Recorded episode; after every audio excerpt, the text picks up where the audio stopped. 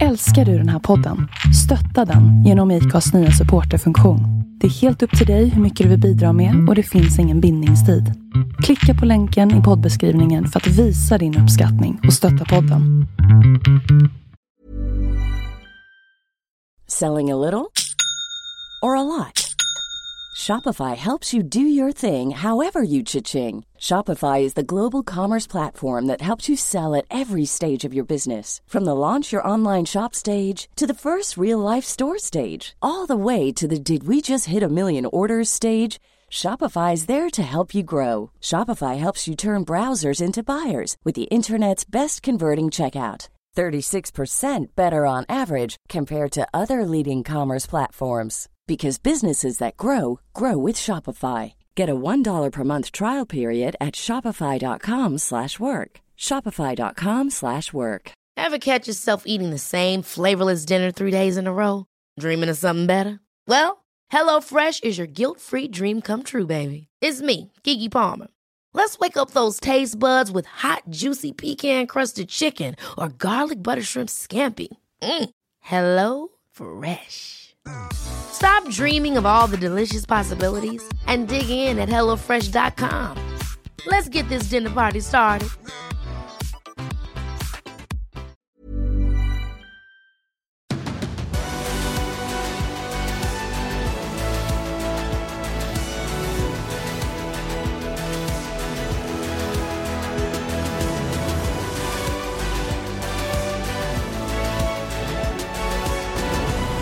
Hej, välkommen till eh, ännu en MotoGP-podd. Den här gången eh, den 116 MotoGP-podden med mig Tobias Lajon och med Andreas Mårtensson och dessutom med Johan Stigefelt. Välkommen Johan!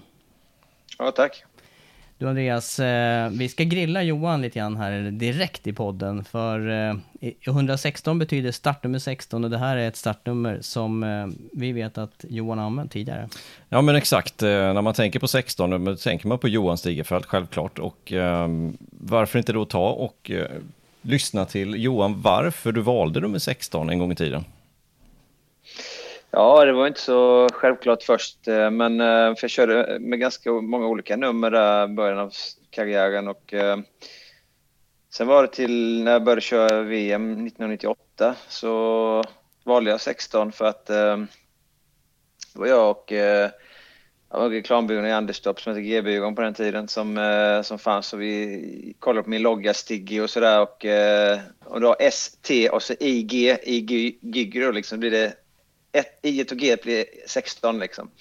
Och eh, ja, det var så vi valde 16 och det var så vi eh, fortsatte med det sen eh, under alla år. Då. Du, hur vanligt var det här när ni drog igång med den, det tankesättet? Hade det funnits ett tag eller var ni tidiga med att försöka blanda in eh, namn och bokstäver ihop med siffror? Nej, jag vet inte. Det var nog inte jättevanligt, men det var, det var rätt kul ändå för eftersom det var Stiggy och sådär så eh, att, att att vi kom på det. Jag tänkte inte ens själv på det från början utan det var kul att, att någon eh, ja, var smart nog att se det. Det har ju ehm. blivit ganska poppis nu på senare tid alla har ju försökt få in sitt startnummer tillsammans med namnet där på något sätt. Ja, precis. Jag var väl eh, pionjära, började med Ja, det är inte alls omöjligt ja. att det var så. Inte omöjligt. Nej, sen, sen fortsatte det genom alla eh, åren i, i 250 och 500 också och sen eh, när jag körde Supersport så var 16 upptaget av eh, Charpentier där. Eh, så då blev det 116 istället. Och, och så, ja. Passar det ännu bättre både 16 och 116 i den 116 i MotoGP-podden. Ja, det blir, all, det blir alla rätt på det här Johan. Du, eh, mm. det här med att ha startnummer, jag är ju gammal, äldre och eh, snackar ibland om de här uh, startnummer efter placering. Är det helt förlegat? Kommer var, det, var det ens någon poäng att ha så förut tyckte du? Efter, efter fjolårsplaceringen i VM, att man fick det startnumret? Ja, alltså, då, då var det ju ett, det hängde det ju i liksom, men sen förutom Rossi och eh, ett par andra som... Man, man, bygger upp sitt varumärke, sitt namn med sitt startnummer faktiskt. Och det, det speciellt nu med all merchandise och allting som finns runt omkring så är det viktigt att man behåller det. Eh, ja, det är som en identitet. Men eh, nu är det ju ingen som, eh, som tar placering och fortsätter med numret året efter. Det var länge sedan jag såg det. Men du som eh, har varit med länge också då, är det mycket, är det mycket vidskepelse kring de här startnumren för förarna? Eh, det kan det nog vara. Det kan det nog vara faktiskt. Det kan vara, alltså, det är, det är svårt att säga från person till person, men eh, själv känner jag att det var viktigt att ha med, ha med mig det här startnumret på något sätt. Borde det inte vara obligatoriskt? Om man vinner MotoGP-världsmästerskapet, borde man ha nummer ett då? Vad tycker du i den frågan? Nej, jag tycker inte det. Jag tycker man får välja själv. Jag tycker det är att, eh, ja, vinner man så ska man ha valet eh, och behålla sitt nummer. Men det, de sätter ju alltid in ettan någonstans i sitt nuvarande nummer liksom, eller på något sätt på skinnstället eller på hojen. Så att, eh, ja, jag tycker inte man behöver ha det. Nej, nu, nu är det ju Mir och det är ju i ett en etta istället. Ja. Så det är precis som du säger. Men det här med, men annars då med, med startnummer av de som håller på nu och tävlar, förutom då om man får med startnumret i sina bokstäver där, finns det någon annan historia du känner till kring förare som, eh, som har fasta startnummer sedan länge? Nej, inte direkt. Eh, jag, tror det är mycket, mycket sådär, många som har kört med det sedan de var små. Jag känner till typ Remy Gardner, vet han kör med nummer 87 och det är ju Wayne Gardners eh, år när han vann 500-titeln då, till exempel. Ehm, men sen är det nog mycket som hänger tillbaka, eller om ens föräldrar eller om man har anknytning till någon som har kört med ett speciellt nummer, så ja, någon idol eller så vidare. Det jag har tänkt på när vi har suttit och snackat kring de här startnumren i poddarna, det är att eh, vissa också är kopplade till såklart födelsedatum och och sådana här saker, att man har det kopplat. Jag var ganska förvånad faktiskt när vi kollade efter, det var bara några poddar sedan när vi snackade om startnummer 13 som är oturstal. Men det är ändå några som kör med startnummer 13. Inte i MotoGP just nu då, men, men i, i de mindre klasserna. Ja, jag hade Anthony West körde med 13, han körde för mig 2008 i Supersport. Vi hade just det i, i podd nummer 13, då hade vi Anthony West och Romano Fenati och det är väl lite förare ja. som, som har fört lite otur med sig genom tiden. Ja, eh, Melandri tror jag körde med också i början när han körde 125. Jag tror han hade 13 de första racen han körde faktiskt. Men ja. hur många säsonger blev det totalt då med startnummer 16 för din del? Minns du? Oj. Ja, men det blev väl sex säsonger i uh, GP och 250 och uh, en, två säsonger då i Supersport med 116. Mm. Mm. Ja, intressant att höra kring startnumren där och, och, eftersom vi också har dig med idag så är vi naturligtvis också nyfikna kring eh, Petronas-teamet och säsongen så långt. Vad har du att säga kring eh, era insatser i år, under, eh, framförallt i MotoGP då? Alltså, det var tufft år, eh, de här första sju racen. Det har varit ganska ja, tuff inledning. Vi hade mycket högre förväntningar på Frankie i de första två racen i alla fall i Qatar. Att vi skulle kanske inte avsluta, eller börja där vi avslutade i, i i Portimao förra året och vi visste att ett, topp 5, topp 6, det skulle vi liksom i alla fall kunna klara av. Och sen var det ju katastrof som vi vet för hans del då.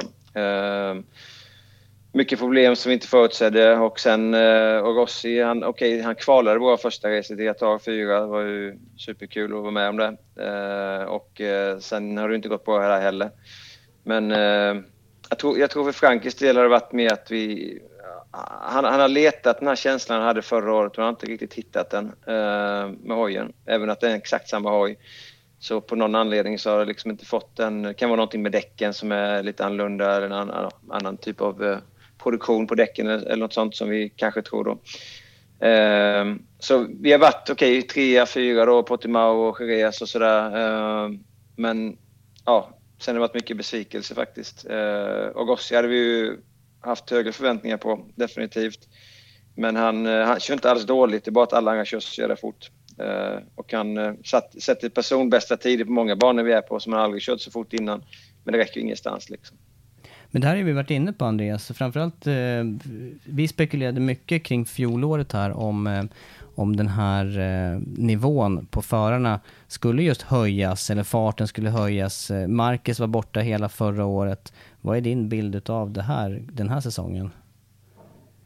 Just med farten på, på startfältet.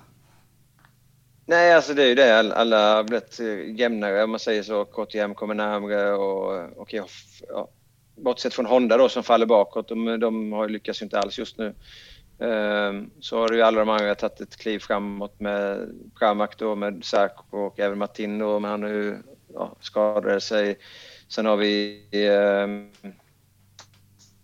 ja, med Olivera som är snabb och sen Mille och Pagnaia är supersnabba också. Så det, det, det, det är ett grymt tufft eh, fält med många unga bra förare som är där.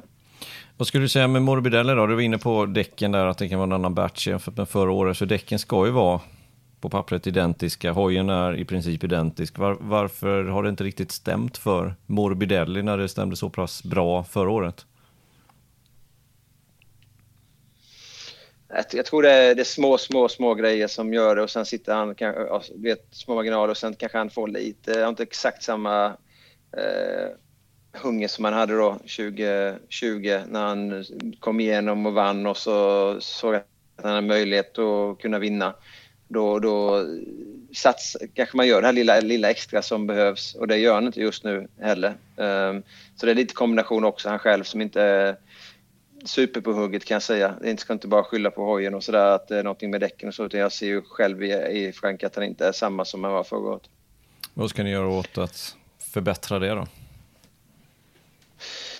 Alltså vi, vi, vi har ju det vi har i år. Vi har det paketet och den hojen som vi har och den kommer inte utvecklas så det vet han om. Samtidigt så måste vi försöka att sätta lite press på honom och säga att vi, du kan inte bara köra ett år och vänta på att få en bra hoj till nästa år utan det, vi har ju press från våra partners, sponsorer, eh, Yamaha. Eh, de, de sätter ju viss press på oss om de, ska, om de ska ge honom en bra hoj till nästa år så kommer vi få investera väldigt mycket pengar och eh, de de undrar kanske var, varför, varför det inte går bättre. Så det, vi, vi, måste som team försöka supporta honom och få tillbaka, så att han kommer tillbaka och är riktigt på hugget. Och jag säger inte att han ska vinna race, jag säger bara att om man...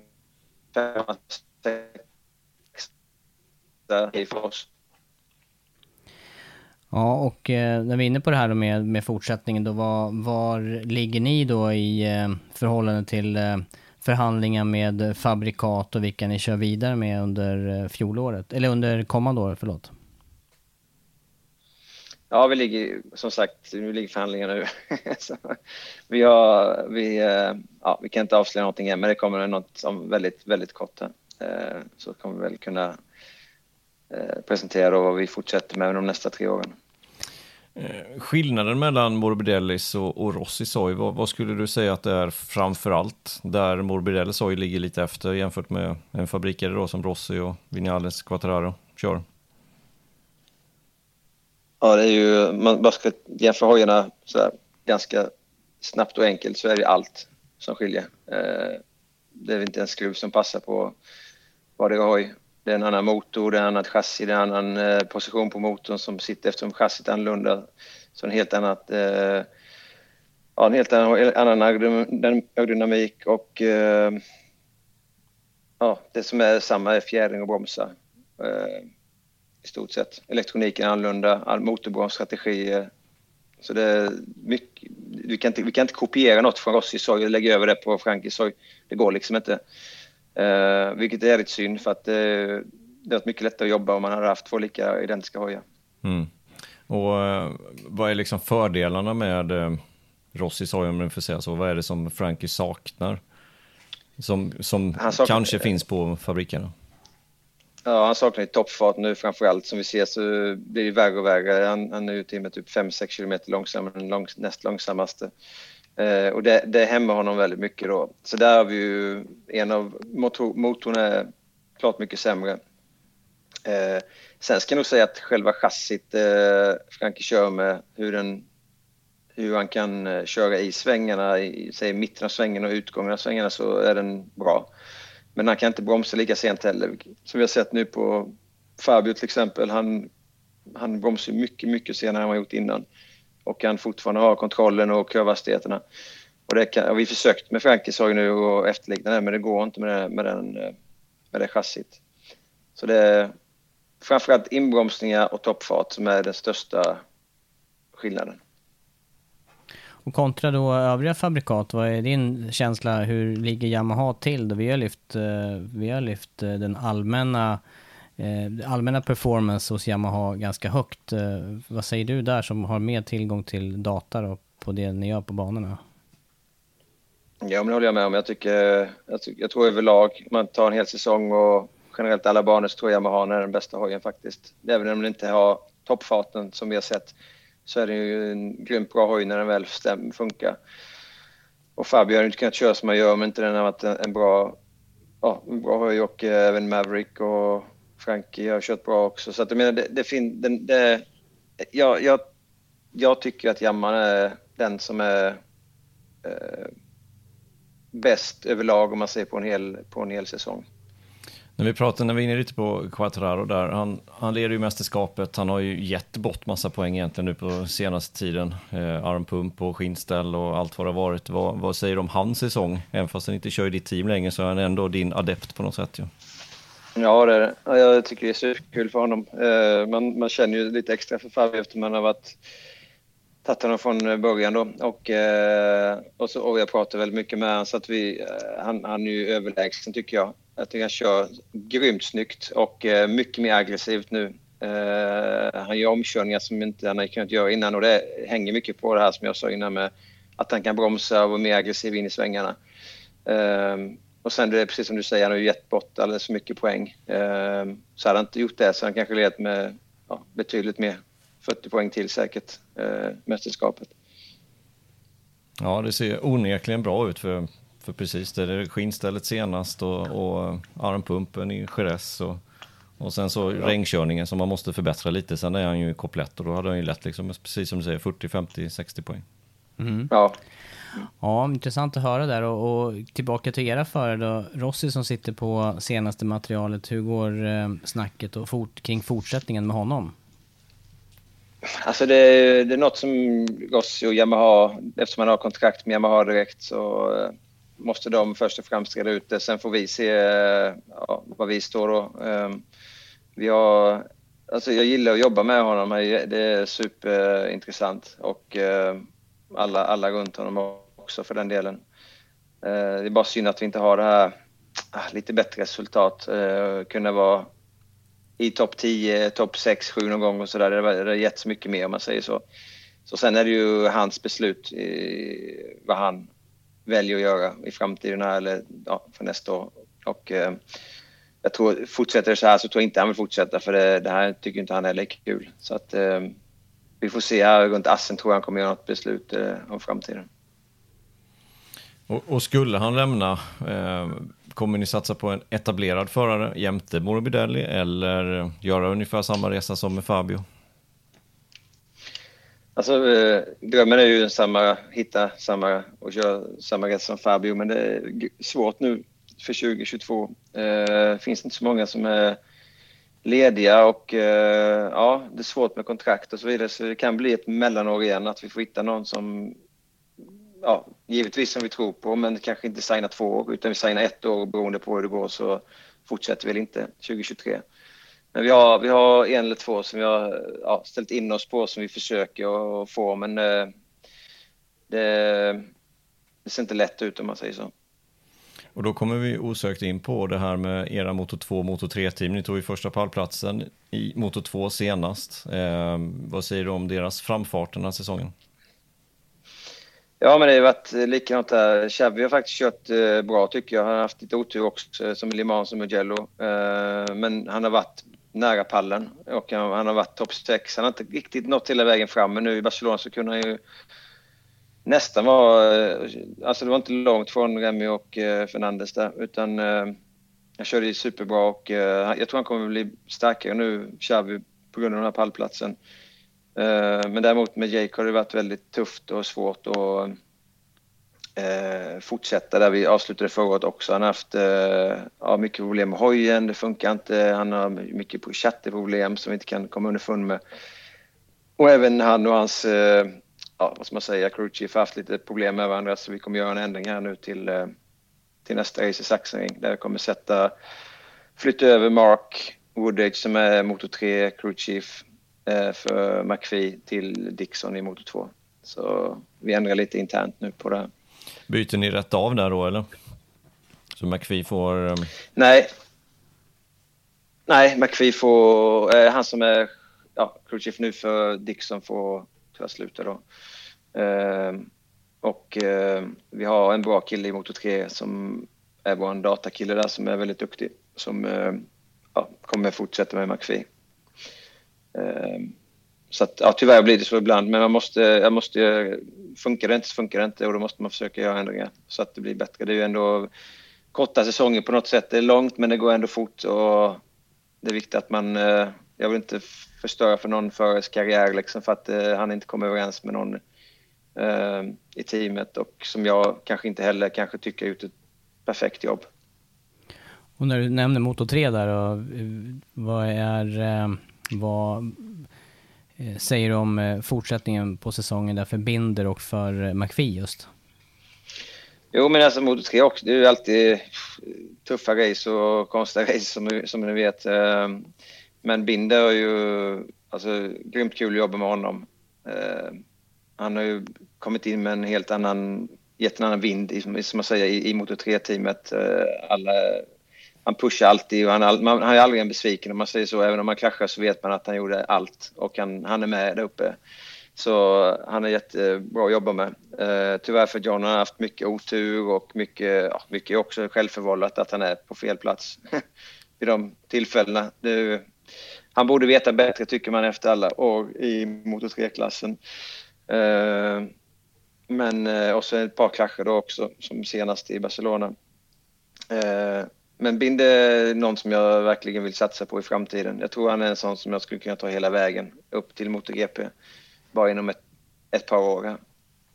Ja, när vi är inne på senaste racet i Barcelona, vad säger du om det där sista avslutningsvarvet i Moto 3 egentligen? Det blev ju väldigt tajt, Alcoba bromsar upp hela fältet och det känns ju nästan på som ett lotteri ja. nu för tiden. Det här, vad, vad, säger du om, om hur racen utvecklas i Moto 3?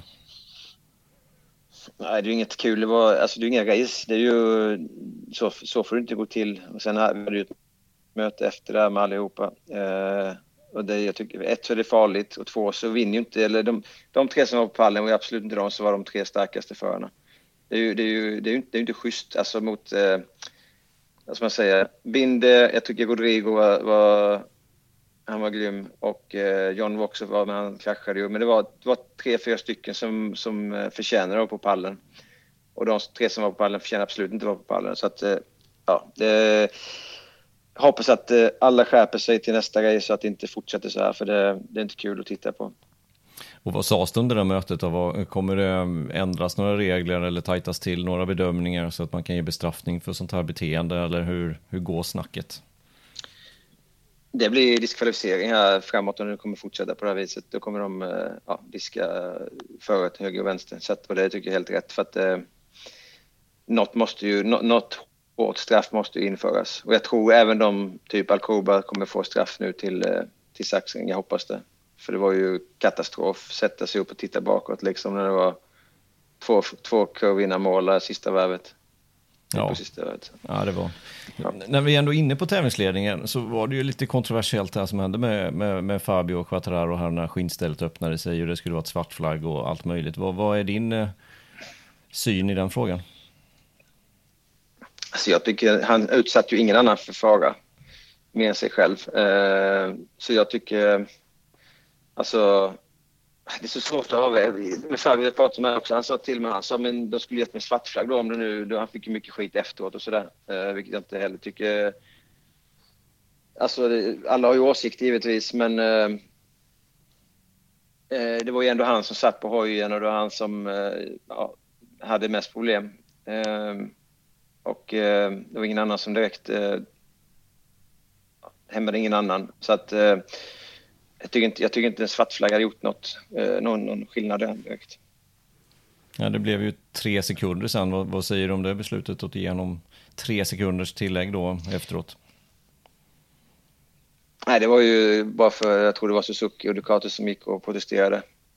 Eh, och eh, så fick, la de till tre sekunder till, vilket det tycker jag var ja, konstigt också. Väldigt konstigt tre sekunders varför liksom. Jag har ingen, ingen aning varför han fick den, de extra tre sekunderna bara för att ja, det, det hade varit bättre att ge den svartflaggen helt enkelt. Ja, ja, det finns mycket Oklart. att diskutera kring det här. Och, och säkerheten framför allt där som vi har varit inne på med eh, både avslutningen på Moto 3-racet och det blir ju extra aktuellt också efter eh, den här tragiska olyckan i Italien tidigare. Och, och bara en fråga i den linjen, det, det är inte så vi vill avsluta på något vis, men hur, eh, hur hanterar team och era förare en sån olycka? Vad, vad är din bild av hur det gick till den helgen på Mugello där? Nej, det är ju jättetufft för alla. Det är ju, tyvärr har jag varit med om det ett par gånger för mycket nu, känns det som. Eh, när jag går bort eh, under en racehelg. Och eh, nej, det är jättesvårt. Det är svårt att säga, man, man är chockad. Man är, det är som ett, liksom ett vakuum inne i hela depån och alla. Men samtidigt måste vi fortsätta. Och det är så det är. Det är liksom det är den mörka sidan av det, att det, det här kan hända. Eh, det är en, en sport som är farlig. Eh, det känns inte som det är när vi kör racing och så vidare, men när det väl händer så går det så fort och det är så, när man ligger så tätt och blir påkörd så, så är man väldigt utsatt. Det spelar ingen roll hur utvecklingen går framåt med säkerheten, utan det är när man blir påkörd som är det, det farliga. Ja. Ja, vi hade också den typen av diskussioner efter, eh, efter den kraschen. Men det är intressant att höra i alla fall dina, din beskrivning här av startnummer och också hur säsongen och er framtid ser ut. Vad är, hur långt engagemang, eh, sträck, hur långt sträcker sig ditt engagemang i teamet framöver? Hur, hur många år har du eh, lagt för att, eller skrivit på för att jobba för eh, Petronas där och teamet? Ja, mitt kontrakt går också ut nu detta eh, Ja, givetvis håller jag resten på och pratar och förhandlar både för hans del och min del eftersom vi jobbar båda för Sepang Circuit som eh, äger teamet idag. Ehm, så vi, ja, vi tittar framåt och vi ja, ser, väl, ser väl bra ut för vår del tror jag och kunna fortsätta. Ehm, Samtidigt håller vi på att jobba med budgetar och sponsorer och eh, ja, eh, sådär så att eh, det just nu är det väldigt mycket. Det är mycket som händer, har hänt de sista två veckorna och kommer ändå fram till slutet på juni, mitten på juli i alla fall, innan vi får klarhet till allt. Men eh, det- ser positivt ut. Ja. Johan, tack för din tid. Ja. Det var intressant att höra allting eh, och eh, vi får tillfälle att ses framöver här också nu när det blir möjlighet för, eh, för oss att börja göra resor på plats efter sommaren. Så att det ska bli spännande att träffas. ja, tack ska ni ha. When you're ready to pop the question, the last thing you want to do is second guess the ring. At Bluenile.com, you can design a one of a kind ring with the ease and convenience of shopping online. Choose your diamond and setting. When you find the one, you'll get it delivered right to your door. Go to Bluenile.com and use promo code LISTEN to get $50 off your purchase of $500 or more. That's code LISTEN at Bluenile.com for $50 off your purchase. Bluenile.com code LISTEN. Planning for your next trip? Elevate your travel style with Quince. Quince has all the jet setting essentials you'll want for your next getaway, like European linen, premium luggage options, buttery soft Italian leather bags, and so much more. And it's all priced at 50 to 80% less than similar brands. Plus, Quince only works with factories that use safe and ethical manufacturing practices. Pack your bags with high-quality essentials you'll be wearing for vacations to come with Quince. Go to quince.com slash trip for free shipping and 365-day returns. Ever catch yourself eating the same flavorless dinner three days in a row? Dreaming of something better? Well, HelloFresh is your guilt-free dream come true, baby. It's me, Kiki Palmer. Let's wake up those taste buds with hot, juicy pecan-crusted chicken or garlic butter shrimp scampi. Mm. Hello Fresh. Stop dreaming of all the delicious possibilities and dig in at HelloFresh.com. Let's get this dinner party started.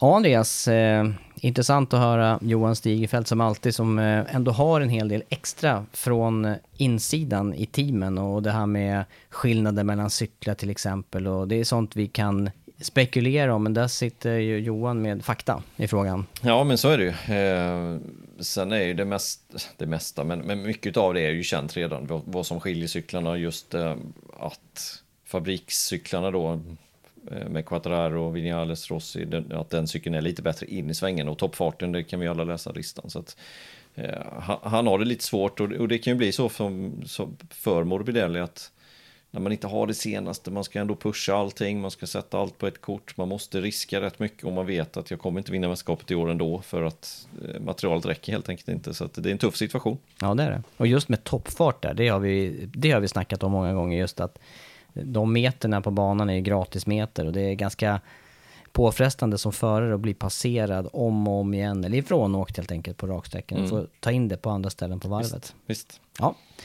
Du, vi måste också i eh, den här podden eh, snacka ner racet i Barcelona, även om det nu är eh, en dryg vecka sedan som målgång var. Och det här med plus och minus tycker jag vi fortsätter med att titta på. Och plussidan, där har vi kanske en självskriven som första. En förare som tog segern här nu och eh, för mig ändå rätt oväntat att hålla hela vägen in i mål. Det är alltså mm. Miguel Oliveira.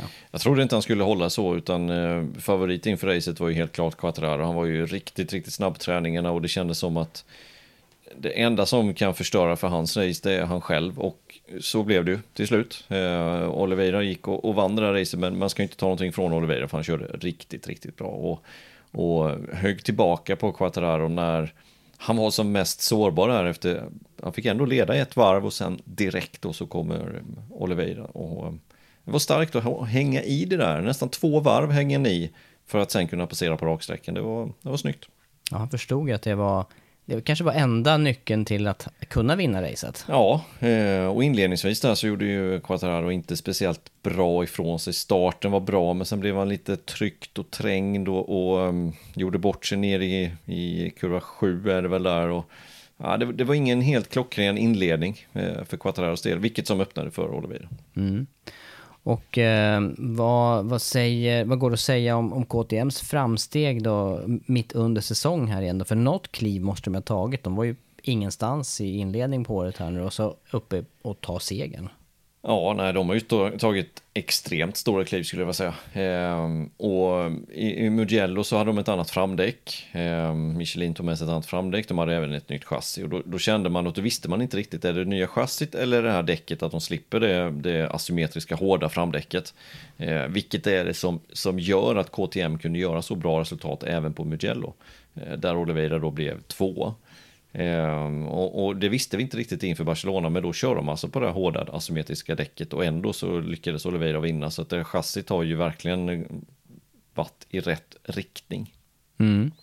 Och eh, jag tyckte man såg det också efter racet hur eh, dels teamet naturligtvis stod glädje men eh, Danny Pedrosa fick en central roll i efterbilderna och reaktionerna efter racet också det blir ju så automatiskt eh, i och med att de skulle testa då i måndags. Eh, måndagen efter racet var han på plats under racehelgen så att det är klart att det, det måste kännas bra även för honom som har ändå jobbat med den här cykeln nu i några säsonger. Mm. Ja, jag kan inte låta bli att dra tankarna iväg också till Paul Sparger som satt på det här paketet och nu då har klivit över. Det kanske finns anledning att prata mer om Honda här vidare i analysen av racet, men eh, det kan inte vara lätt den, den sitsen i huvudet. Nej, nej, det är, det, jag tror ändå att han, han är nöjd med sitt beslut så att säga då, men, men det är klart att uh, han kanske trodde att honom skulle vara lite bättre och lite lättare att köra. Mm. Men då Oliveira, vad har han för kvaliteter och för att uh, vad är det som gör att han vinner race här? Och de vinner ju för sig då, förra året vann ju Binder också race. Ja, det gjorde han, men Oliveira som förare tycker jag är ganska lik Dovizioso. Ehm, tänkande förare, snabb, jämn, gör inga dumma saker oftast i alla fall på cykeln utan kör på ett cleant och bra sätt. Så att jag tycker det är, det, det är kul för Oliveira att han lyckas med den körstilen att, eh, att vinna också. Mm. Ja, det är definitivt plussidan. Verkligen. Har du någonting du tänker på på minussidan från Barcelona-helgen? Ja, nej men eh, det, det, finns några stycken, men jag, jag, vill ändå börja med Alex Rins. Det, det, där måste vi på något sätt börja, för han kom alltså inte till start. För att torsdagen innan så hade han varit ute på en cykelrunda runt banan, vilket man får göra. Ehm, det brukar vara en och en halv, två timmar som förarna får ta sig runt banan med man får inte ta sig längre med skoter, med motordriven skoter, utan man måste ta det för fots eller till cykel. I och med att det skedde någon olycka i Malaysia var det för något år sedan. Två motor 3-förare som ena skjutsade väl den andra och så kraschade de och sen höll det på att gå riktigt dåligt där på torsdagen. Men nu får man ha trampcykel och eh, vad ryktet säger nu då så, så passade Alex Rins på att ta upp mobilen och eh, mässa lite samtidigt eller göra något annat. Samtidigt som han cyklade och antagligen så cyklar han på sin racercykel, de, då de brukar ha med sig de där överallt. Och cyklar rätt in i ett arbetsfordon och bryter armen. Men du, för hans del var det väl tur då att det inte var skoter längre, eller hade det gått i så fall? Det kan, Kan ju man sluta undra. illa, illa ju. Ja, det kan man undra. Men, för att det här var eh, illa. Och för, Riktigt illa. och för hans del också i ett skede av säsongen där han inte har några poäng att tala om. Han har fart och krasch, racekrasch på racekrasch på racekrasch och så kommer det här på det. Det, det måste vara svårt att vara Alex Rins i det här läget. Ja, det kan inte vara jättelätt. Han har alltså fyra raka nollor inför detta. Så han har fem raka nollor. Så senast han tog målflagg var andra racet, målflagg var andra racet i Qatar. Det, det är en stund sedan. Så det är ju en eh, bedrövlig säsong helt enkelt. Och, och det som är kanske det värsta är att han har faktiskt farten. Han, är inte långt efter de absolut vassaste. Eh, så han skulle lätt kunnat haft nu kanske 60-80 poäng till och då hade det sett lite annorlunda ut i mästerskapet. Men som sagt, misstag på misstag på misstag.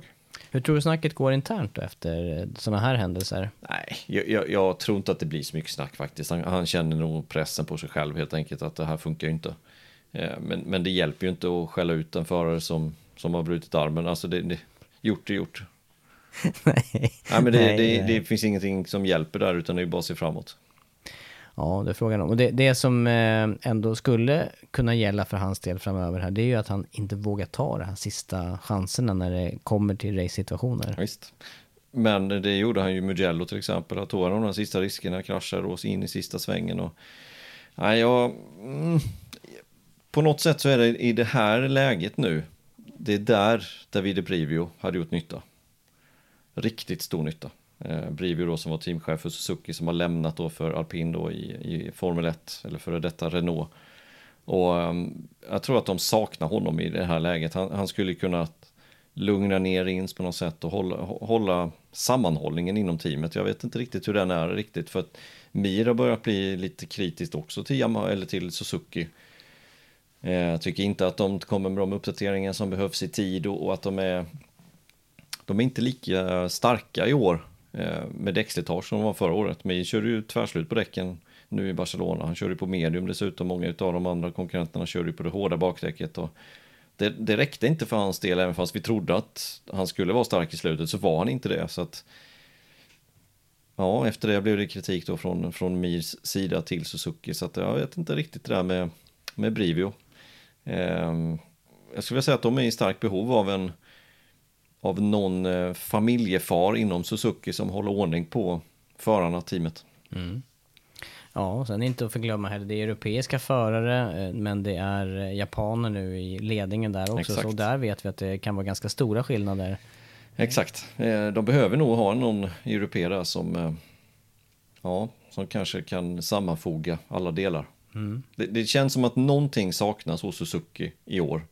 Som inte riktigt saknades förra året när de också blev etta tre mästerskapet och vann förmästerskapet. Vi fick ju också bekräftat här från Johan när vi snackade om det här med farten och att det, att det i många fall går snabbare och vi har sett på racetiden också att eh, står man då stilla i utvecklingen då betyder det ba- tillbakagång egentligen Ja. resultatmässigt. Ja. Ja, det var minus en på minussidan. Eh, något annat som jag tänkte på när vi snackar här på minussidan, det är ju Honda och deras eh, svårigheter då. Och bästa bästa raceresultat, eller bästa förare i mål i Barcelona, elfte plats. Och det var Alex Marquez. Repsol Honda-teamet med Mark Marquez och, Paul Esparger och kraschade ur båda två. Ja, och vi, vi såg ju också på testerna vem som åkte flest varv där. Det är Mark Marquez som gör det. Och Ja, det, jag tycker det säger en hel del kring läget i Honda. Ja, nej, men de har, de har stora problem med cykeln. Eh, Precis som Johan sa innan också, de, de går nästan baklänges. Och eh, så känns det faktiskt. Eh, De har inte farten. Marcus har inte riktigt fysiken, även fast han sa nu att de här sju varven som han körde då i racet innan han kraschade var hans bästa. Sen han kom tillbaka, att han kunde köra på sitt sätt. Och fysiken kommer ju till honom hela tiden ju mer han får köra. Nu, har han, nu kommer han få ytterligare då någon, någon vecka här innan det är dags för Sachsenring och, och det kommer vara viktigt. Det där testet, otroligt viktigt. Eh, och jag tror att den där kraschen återigen, jag kommer tillbaka till den, men den, den kraschen på lördagen i Jerez, högfartskraschen på FP3, den var inte bra den alltså, för, för det gjorde att han inte sen kunde testa på måndagen i Jerez. Eh, och då kanske han har varit, inte fysiskt, men åtminstone kommit fram till någonting annat med cykeln redan då. Som har fått vänta. Eh, nu la han flest av alla då på, på testet i måndags här, Marcus, och ja, var ganska nöjd efter testet. Eh, så vi får se då. Det, det, det, blir ju extremt spännande att se nästa helg, alltså till, eh, till Saxering. För, för Marcus har ju vunnit alla race han har kört där i MotoGP, det vill säga sju stycken i rad, plus tre stycken till då i lägre klasserna. Och då får man ju ett kvitto på vilken, vilken nivå som både Honda och Marcus är på. Mm. Och vi har också sett de här helgerna som har gått nu då, hur Marcus verkligen har gjort allt som står till buds för att dels kvala så bra det går, men även då hänga med i racen och överköra så att han faktiskt kraschar också. Men, men de här kvalbilderna senast, det var ju rätt kul att se tycker jag, med, mellan Miller och honom. Ja. Ja, det var lite annorlunda taktik jämfört med Vinales, eh, hur han handskades med situationen veckan innan då, men Miller tyckte bara att han skulle få lite betalt och sen så var det ut på banan och Ja, det, det höll ju den här gången för, för Miller. Eh, Marcus tog sig inte vidare, men det, det, är också helt rätt sätt att handskas med en sån förare som Marcus. För, för de, alla vet ju att Marcus kommer hänga på, det spelar ingen roll egentligen vad du gör, utan han kommer vara där. Eh, och då får man handskas med det på sitt sätt och, och bara ner huvudet och köra sitt race helt enkelt. Och det det handlar om är att han försöker få draghjälp där, Mark Marcus, ja. för att sätta ett snabbt varv. Eh, sen kan det bita, som du säger, kan bita i svansen också. Jag kommer ihåg när vi var i eh, Malaysia här för två år sedan och Quartararo och eh, Marquez körde katt och råtta-lek på kvalet där och det slutade illa för Mark Marquez då. Det är ju det som är risken. Men han känner ju själv att han vill ta den risken för att kunna ta sig vidare eller få, få lite hjälp varvtidsmässigt och då får man ju ta den chansen. Det är så enkelt är det. Går det att peka på något speciellt då som, som Honda har gjort fel, tycker du, här på vägen fram till läget som är idag? Nej, eh, det, det, är jättesvårt utan att veta exakt vad som sker. Och man, man kan komma med rykten att eh, cykeln är gjord efter Marquez och han var skadad och det ena med det tredje. Men det är ju ingen egentligen som vet vilka kommentarer varken Crutchlow, Marquez eller Nakagami eller vem det nu har varit har kommit med de senaste åren. Så det, det går inte att säga att hojen är bara utvecklad efter Marquez. Det, det tycker jag är att, gå händelserna i förväg och även analysera någonting som inte finns fakta på. Men, men klart är ju att de har problem, det är inget snack om den saken. Och kanske förlita sig lite mer på Marcus förmåga att köra runt problemen istället för att försöka fixa problemen. Eh, och ehm, det märktes ju under förra säsongen såklart då när, när Marcus var borta hela året och det tror jag hämmar honom helt enkelt att när han kommer tillbaka nu så är det en helt ny cykel som är utvecklad åt ett annat håll mot vad han kanske hade tagit. Eh, vilket gör att de hamnar i lite problem och lite eh, bryderier. Vi pratade om det inför säsongen, vilken hoj kommer han komma sitta på nu i början här? Eh, och antingen sitter han ju på den hojen han kraschade på i Jerez förra säsongen eller så sitter han på ja, den som Bradel hade utvecklat. Vilken, vilken börjar de på helt enkelt? Och de började på Bradels cykel och sen har de ändå gått tillbaka till det han själv körde på och försöka ta igen hela förra året utvecklingsmässigt och det är klart att inte det är lätt. Men jag tyckte man såg där det här med eh, Alex Marquez och även eh, Nakagamis framsteg där i, någonstans runt Aragon var det ju tydligt och det var ju även det här bra regnresultatet för Mark, Alex Marquez på Le Mans. Att där tänkte jag att nu har det börjat röra på sig Honda här. Nu kan, nu kan plötsligt fler åka fort på cykeln nu är det igen lite tillbaka till eh, som det var innan de helgerna. Ja, de kom ut med ett nytt chassi till Misano-testet förra säsongen och, och, då trodde man ju att lyftet skulle komma, men det känns som att i år har de inte börjat alls bra. Eh, de andra förarna är ju i princip ingenstans. Det är Nakagami ibland som blixtrar till med det mjuka bakdäcket, men sen fallerar han ju också i racet när de inte håller hela vägen. Så att, eh, ja, Paul Sparger har gjort någon bra träning och sen Marcus då, men extremt svårt att veta, men, men man ser ju tydligt att de har problem med fästet bak i alla fall. Det, det behöver man inte eh, tveka på. Nej, det var ju verkligen så. Cykeln höll på att vrida sig om sig själv så fort de la på gas ja. nu senast. Ja, vi kanske ska släppa Honda för eh, tillfället där och lyfta något positivt istället. Och, eh, en, eh, en förare som vi kanske både kan lyfta på plus och på minussidan den här helgen är ju eh, Fabio Quartararo som återigen såg ut att vara den som eh, alla behövde jaga och, slå. Han såg överlägsen ut. Han gjorde det. Fem raka pole position och vilken fart han har. Det går ju. Det är därför han får vara på plus för att han fullständigt dominerade helgen ut. Även, även när det inte gällde så att säga. Men sen när det väl gällde så fallerade han återigen då. Eh, med en sjätte plats till slut. Men, men, äh, men riktigt bra kört, bra fart. Äh, och fortsätter han så här så kommer han ju bli otroligt svårstoppad. För nu, nu har han ju, som vi pratade med Johan om, han har ju gett bort, ja, jag vet inte hur många poäng, men det har varit armpump och det har varit skinnstället som öppnade sig och, och sen lite blött på det. Och ändå leder han mästerskapet med 14 poäng. Mm. Så, ja, fascinerande. Men det här med skinnställe då, för det, det, måste ju ändå vara någonting som hamnar på minussidan. Det här har ju spekulerats och diskuterats efter racet. Eh, jag kanske är kvar i den här eh, tanken som jag hade redan under sändning där, att han på något vis missade att dra upp hela vägen, att det är därför. Men samtidigt såg vi honom slänga bort bröstplattan där. Eh, vad, va, vad har du landat i när du har analyserat efteråt? Nej, det är svårt eh, att veta exakt vad det är som hände. Men, men det, man kan väl säga att det finns två alternativ egentligen. eh, som vi har fått delvis bekräftade, men vi vet inte riktigt vilket det är som stämmer. Det ena är, det, eh, airbagen löste inte ut. Där, där, kan vi börja. Det var det inte som gjorde Eh, första alternativet är precis som du säger, vilket jag också tror, eh, att han inte hade stängt skinnstället helt och hållet. Utan att det var, eh, det saknades några centimeter i toppen och han hade inte vikt över den här lilla flärpen eh, med kardborreband som man ska göra. Eh, det, det, är en alternativet och sen så ju längre det går ju mer rör på sig, det kommer in luft där och ju mer luft det kommer in så trycker det isär. Ehm, det är en alternativet. Andra alternativet det är att den här bröstplattan på grund av att den var lite neddragen, att bröstplattan har liksom rört sig lite uppåt och varit lite i vägen för struphuvudet kan man säga. När han speciellt ligger på raksträckan så blir det på det sättet. Ehm, och att den har varit i vägen, han drog ner lite grann för att slänga bort den där. Ehm, och att när man drar ner i så fall så har det bara gått hela vägen ner. Ehm, och, och för, för, att dra upp dragkedjan, för er som inte haft skinnställ på er, så är det ganska svårt att göra det med en hand. Utan ska du dra upp dragkedjan när du sitter på cykeln måste du sitta rak i ryggen, du måste nästan hålla emot med ena handen lite längre ner mot skrevet för att kunna dra upp dragkedjan. Det går oftast inte bara att dra med en hand så här.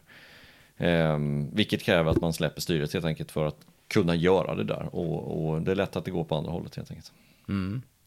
Ja, och, och, då vidare till eh, bestraffning och det som hände efteråt här med tidstillägg kontra svart flagg. Vi hörde ju vad Johan sa och du var ju också, jag vet inte, vad, vad, vad, var, din, vad var din inställning, eller vad är din inställning till utgången av det här Nej, det, det är jättesvårt är det. Eh, vi sa det i sändningen, jag var nästan, jag var mer orolig för hans hälsa faktiskt, eh, än någonting annat. Eh, för, för att åka sådär och krascha så, det, det är inte bra alls. Sen förstår jag tävlingsledningen, eh, för det är fem varv kvar. De har garanterat aldrig upplevt detta tidigare. Vad ska man göra? Ta rätt beslut. Eh, hänger man ut svartflaggen eller teknisk flagg, då är den så definitiv den, den flaggen precis som Johan sa så utsätter han inte någon annan egentligen för fara. Han utsätter sig själv för en fara. Han slänger sin bröstplatta. Det har varit lite, lite rabalder på nätet har jag sett om det sociala medier att den här bröstplattan var livsfarligt slänga. Men alltså den här lilla bröstplattan, den, den är obligatorisk. Men man kan, den gör i princip ingen nytta. Om vi ska vara helt ärliga. Nej, det, är inte, det, det, är inte många, det är inte många, man har liksom, nej. det är inte många alltså jag, den räddat. Jag har kört med den också och det är tio år sedan liksom, eller inte riktigt, men, men, men den har varit egentligen likadan i tio år och det är en tunn, tunn, tunn, tunn, jag vet inte vad man ska säga att det är egentligen, vad man ska jämföra med sadelgummi kan man nästan jämföra med, lite mer porösare än sadelgummi. Eh, jag körde med lite mer som gick in mot revbenen eh, från ett annat märke som var, tyckte jag var betydligt bättre. Eh, för den Alpan Star som de kör med, det är ju bara en liten platta som har på, på bröstet. Sådär. Så att, att någon ska krascha på den, det ser jag som helt osannolikt. Ungefär lika stor risk som att Banjaya kör omkull på ett tear-off förra året i, i Misano. Å andra sidan det här tear-offet som sögs in då i, eh, vem var det, Miller? Ja, Quattraro igen. Ja, det såg man ju också som osannolikt innan. Ja, ja men det gjorde vi. Men, men där måste jag ändå, tävlingsledningen där, de har fem varv på sig och jag hade inte klagat heller, varken nu eller då, om de hade svartflaggat honom. Men svartflaggar, men så är det så definitivt, då är det över. Hade han bara satt sig upp släppt styret för några sekunder, åkt in i, genom kurva 1, 2 kanske, bestraffningslinjen där, tagit tag med vänsterhanden, dratt upp med högerhanden, fortsatt sitt race. Han hade tappat mindre än tre sekunder. Så, det, så det, dels han hade varit säker själv och dels så hade det inte blivit någonting annat. Eh, Och som sagt, det är fem varv kvar. Det är svårt för tävlingsledningen. Det är riktigt svårt. Nu är det inte svårt. Nu är det jättelätt att säga att man ska svartflagga honom. Det kommer vara jättelätt nästa gång detta händer. Hur lätt som helst. Alla vet att åker du ett halvt varv med skinnstället öppet så kommer du bli svartflaggad. För det har de definitivt pratat om nu. Så att det är inget snack om den saken. Men där och då, tävlingsledaren, aldrig upplevt detta. Det är svårt att ta rätt beslut. Som sagt, jag hade inte klagat på om de hade svartflaggat honom. Eh, men, men jag tycker också att man kan inte helt ställa Quattararo utan skuld i detta. Jag tycker det låter mycket som att att nej men förare gör allt vad de kan. De hade kört utan hjälm om de bara hade kommit i mål. De tänker inte på sin egen säkerhet. Det stämmer förvisso. Men man har faktiskt ett litet ansvar själv. I det här har man ju definitivt Jag tycker man har litet ansvar själv. Jag, jag tycker att han borde insett det här själv från början. Nu skulle tävlingsledningen säga i efterhand, visst, han skulle svartflaggas. Jag, jag håller med om det, men i det läget där de befann sig så väljer jag att inte rikta speciellt mycket kritik mot dem faktiskt, utan eh, mer i så fall mot Quattararo att han inte själv drog upp skinnstället. Eh, nu undgick han bestraffning, han fick tre sekunder efteråt och jag förstår det också. Johan förstod inte det, men jag, jag kan ändå köpa den bestraffningen för det visar på något sätt att det är inte okej okay att göra på det sättet. Det är mer det det visar tre sekunder, ah, det kan ju kvitta egentligen. Eh, han tappade några poäng på det där. Istället för en fjärde plats så blev det en sjätte plats. Istället för 13 så blev det 10 poäng då. Han tappade 3 poäng på det. Eh, men, men, på något sätt så visar man ju att det, det är ett regelbrott att göra på det sättet. Eh, man får inte göra så, därför fick han en bestraffning. Men återigen, han skulle kanske ha haft svartflaggen. Eh, inget snack om den saken. Men i där och då så är det svårt att, eh, att döma det. För de har hängt ut, då kanske de tagit beslutet, häng ut svartflaggen. Och sen precis innan det så har de dragit upp dragkedjan. Mm. Vad hade hänt ja, då? Nej, jag tänker också fram och tillbaka. Man, jag tycker också att man kan faktiskt lägga en, en del av ansvaret, eller man, man, borde ha den kommunikationen mellan förare och den som är med ute som sista här, som kanske håller ett paraply för skuggan, eller den som är på plats där. För att vi har ju båda varit med om och blivit påminda, eller man har påmint andra när man har gjort i ordning sig. För att till slut, där den där biten ser man ju inte fullt ut själv där. Utan... Och han går gärna med den halvöppen och Precis. han har inget underställ. Nej, dessutom. Ehm, så att det är lätt att glömma. Jag vet inte hur många gånger jag glömt det. Och så kommer man på det för det fläktar lite för mycket när man mm. åker ut. Och så känner man det själv och så får man fixa till det, oftast innan start då. Eller man kan ha glömt att dra åt kring handskar och kring kragar och sådana här saker. Eller glömt att spänna åt ordentligt, eller dra upp fullt ut med, vad heter det, eh, nere vid, fot, vid fötterna där kring stövlar och annat också. Kan ja, hända. Ja, det kan, det kan hända, men mest troligt är att man glömmer den Sista delen där uppe som han. Sista delen på dragkedjan. Mm. Eh, och speciellt nu när man sitter ute i 20-25 minuter, precis som de gör, och det är varmt och de går runt och, och ja, precis som vi har sett Quattararo då utan underställ dessutom. Så att, ja, det, det var inte bra. Ehm, och visst, teamet skulle också kunnat göra någonting åt det på depåtavlan. Någonting. Ja, visa faktiskt. någonting. Eh, det är inte lätt, man har inte pratat igenom vad man ska visa i, i det här läget, men det går ju att sätta upp eh, vad som helst, förutom det som egentligen ska stå på tavlan kan man ju sätta någonting annat och visa att gör någonting och då hade han ju fattat att just det, jag kör med skinnstället öppet. Kanske är dags att dra upp det. Mm. Så det, ja men som det blev, svart flagg hade jag köpt. Absolut, det hade varit, nu i efterhand så hade det varit rätt att ge honom det. I där och då, ja, jag väljer att inte rikta för mycket kritik. Han får ta på sig lite. Och jag tycker nog att tre sekunder efteråt för att visa att det inte är okej att göra så är helt okej. Mm. Släpper vi det. Och eh, vi är faktiskt inte klara här med eh, analysen av Barcelona ännu, även om den här blev en, en lång utläggning. Men det var mycket att säga om den här grejen och återigen så märker vi ju, trots alla år vi gör tillsammans i det här, att det, det uppstår nya tillfällen. Hela tiden. Och där håller jag med dig. Jag tycker också att det är bra då att man inte gör det här sista definitiva under race-situation där. Sen, sen var vi i ett skede av säsongen kring eh, dödsolyckan med Dupasquier och kring risker i den här sporten så vill man inte öka på riskerna. Så att jag hade också köpt en svart flagg men det, det, var, det hade å andra sidan kunnat varit just en... Eh, fast det går ju att dra parallell med, med motorcykeln också. Är det ett tekniskt problem så är det inte föraren heller som är ansvarig för det riktigt. Det blir... Det Nej, uppstår. men det, ett tekniskt problem kan ju också drabba andra på, på ett helt annat sätt ja, det än vad det här gör. Ja. det här drabbar ju oftast en, eller ja, troligtvis bara en själv och, och med, väldigt dålig utgång om det skulle skett någonting. Ehm, ja. Ja. Nu är det säkert genomsnackat som du säger. ja, men exakt, det kommer ju inte hända igen. Nej. Ehm, ett skinställ öppnar sig normalt sett inte och gör det det en annan gång så kommer alla förare vara fullt medvetna om vad man måste göra. Och det är att nästan helst stanna någonstans och dra upp det. Ehm, alternativt åka in i bestraffningslinjen till exempel och dra upp det där och fortsätta. Ja, vi släpper det. En minuspost kvar och en pluspost. På minussidan skulle jag återigen... Eh, jag kan tänka mig att lyfta Vinales där återigen. Han hamnar tyvärr allt som oftast där, men eh, den här gången eh, så, så gör han det med ja, mellanresultat igen. Och det är väl framförallt det som stor skillnad tycker jag mellan hans, vad han får ut av racehelgerna resultatmässigt och vad Quartararo kan uppnå med, med sin cykel. Och då vet vi ändå att Vinales är en av de absolut snabbaste förarna när det stämmer för honom. Men det, det gör ju inte det allt som oftast. Nej, det gör det inte. Han slutade femma då med, med Quattararos bestraffning. Och eh, precis som du säger, det är ett mellanresultat. Inte mer än så. Ehm, och behöver ju tuffa till sig helt enkelt.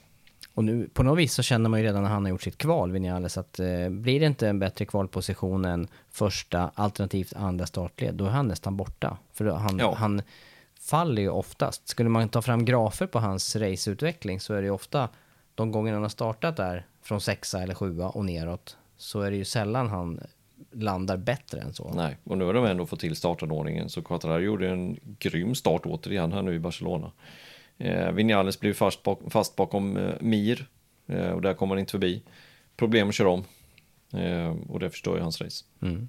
Och det är trots det vi hör från Johan här med förbättrad eh, eh, möjlighet att bromsa sent och hårdare som något som Quattararo drar nytta av. Och han kör ju om lite när och var verkar det som. Quattararo. Ja, Nej, minussidan på Vinales för min del där. Eh, plussidan, Sarko.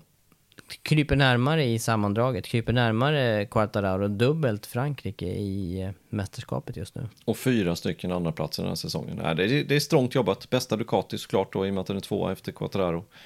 Eh, känns som att han saknar det sista lilla. Men han är ju otroligt jämn. Och han tar ju sina poäng. Och han är alltid med.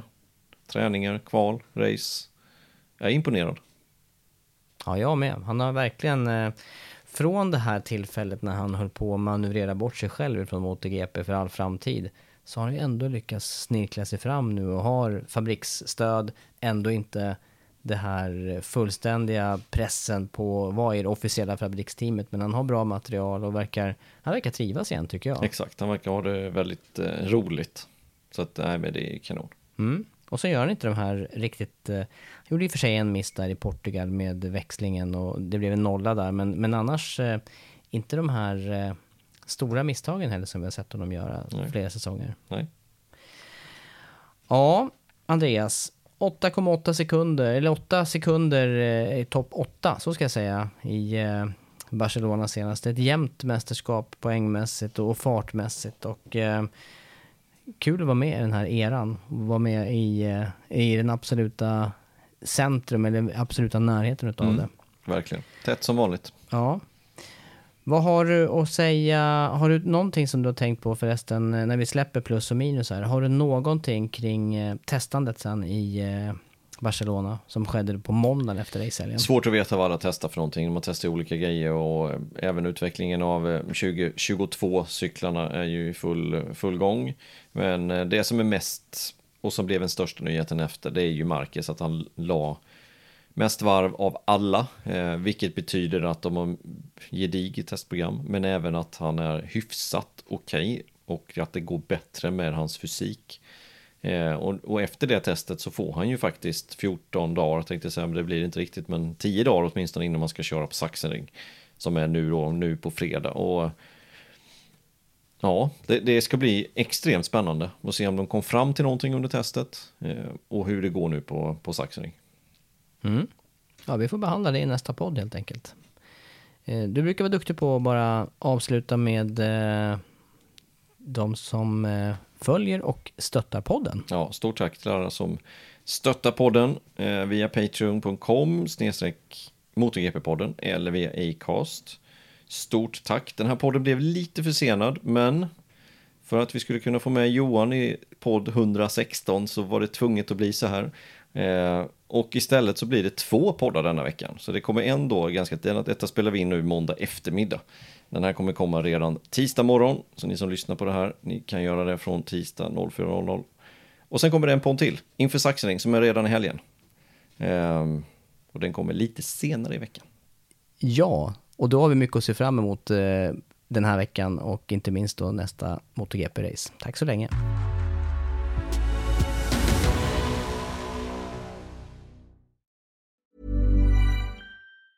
Hey, folks, I'm Mark Marin from the WTF Podcast, and this episode is brought to you by Kleenex Ultra Soft Tissues, your ally to help tackle your allergy symptoms this season. I love the change of seasons, but nobody loves pollen and all those other things floating in the air that make you sneeze during this nice weather. Kleenex Ultra Soft Tissues are hypoallergenic and allergist approved, so fight back against watery eyes and runny noses without worrying about irritating your skin. For this allergy season, grab Kleenex and face allergies head on.